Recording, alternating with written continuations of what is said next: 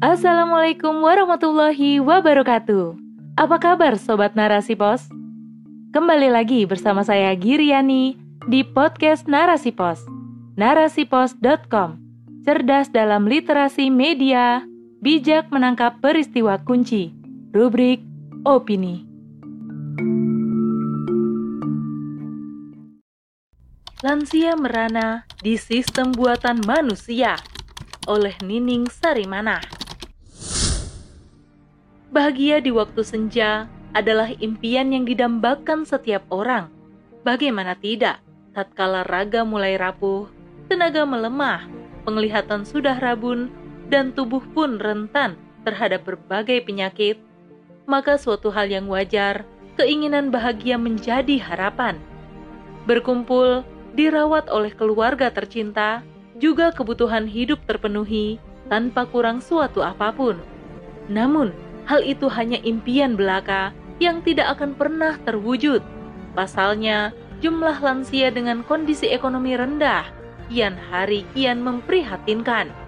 Kondisi tersebut diperparah dengan pandemi COVID-19 dan harga berbagai kebutuhan hidup yang enggan beranjak turun tak sedikit dari mereka dititipkan ke panti jompo dengan alasan sibuk, tak ada waktu untuk membersamai. Bahkan tragis, membiarkan orang tuanya yang sudah sepuh hidup sendiri, bahkan dibuang di jalan. Sungguh, kondisi tersebut memperjelas potret buram lansia di Indonesia sebagai negara pengusung demokrasi.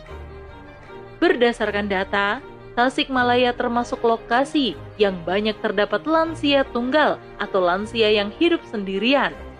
Kurang lebih ada 28 ribu lansia tunggal berada di Kabupaten Tasikmalaya.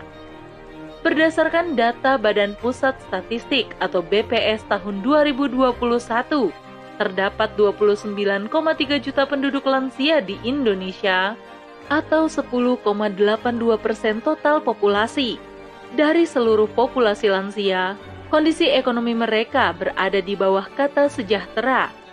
Setiap tanggal 29 Mei, Indonesia memperingati Hari Lanjut Usia Nasional atau HLUN.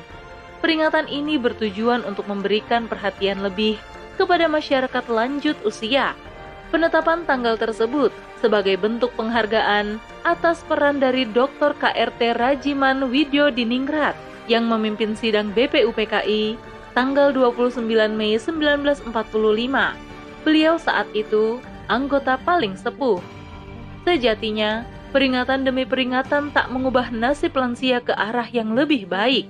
Meskipun diberi bantuan, persoalan lansia tidak akan selesai. Sebab sistem kapitalisme telah berhasil mengikis hati nurani manusia. Naluri kasih sayang dalam keluarga telah terkubur seiring manusia disibukkan dengan urusan dunia. Bagaimana agar ia bisa bertahan di tengah impitan ekonomi yang serba sulit? Inilah kenapa banyak anak tega menelantarkan orang tuanya karena tak mampu menghidupi dan merawatnya. Tidak hanya itu, dalam sistem sekulerisme, nilai agama pun tergerus.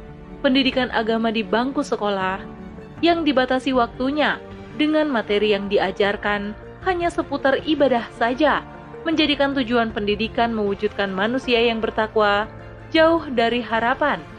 Arus moderasi yang merupakan bagian agenda musuh Islam terus digencarkan di tengah umat Islam. Paham ini melahirkan manusia yang individualis, kapitalistik, dan materialistik yang tidak paham apa itu berbakti kepada kedua orang tua atau birul walidain. Dengan demikian, Sistem ini tidak akan pernah mampu mengatasi problem lansia, juga tidak akan bisa memberikan kebahagiaan terhadapnya. Ini berbeda dengan Islam. Islam agama yang sempurna dan paripurna. Kesempurnaannya terlihat dari sisi ajarannya yang tidak hanya mengurusi masalah ibadah, tapi aturannya mampu mengatasi persoalan kehidupan manusia. Sebab sistem Islam diturunkan dari pencipta manusia yaitu Allah Subhanahu wa Ta'ala. Dalam Islam, negara bertanggung jawab memberikan kesejahteraan dan menciptakan iklim yang kondusif, sehingga rakyat akan memahami di mana tanggung jawab mereka agar para lansia bisa bahagia sampai akhir hayatnya. Misalnya, dengan dorongan iman dan berbakti kepada kedua orang tua, seorang anak akan memahami kewajibannya ketika orang tua sudah lanjut dengan merawatnya sebaik mungkin. Seperti firman Allah Subhanahu wa taala, "Dan Tuhanmu telah memerintahkan agar kamu jangan menyembah selain Dia, dan hendaklah berbuat baik kepada ibu bapa. Jika salah seorang di antara keduanya atau kedua-duanya sampai berusia lanjut dalam pemeliharaanmu, maka sekali-kali janganlah engkau mengatakan kepada keduanya perkataan "ah", dan janganlah engkau membentak keduanya, dan ucapkanlah kepada keduanya perkataan yang baik. Quran Surat Al-Isra ayat 23 Islam tidak hanya memberikan perintah kepada anak agar berbakti kepada kedua orang tua, tapi Islam juga memiliki cara untuk menciptakan lingkungan yang kondusif.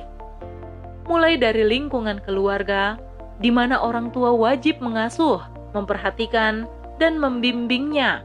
Negara menyediakan sekolah untuk mewujudkan anak didiknya memiliki syaksyah Islamiyah, sehingga sejak kecil akan terjauhkan dari pemahaman asing dan tertanam dalam jiwa dan benaknya berbakti kepada orang tua negara memberikan sanksi yang tegas kepada orang tua yang tidak mendidik dan menelantarkan anak.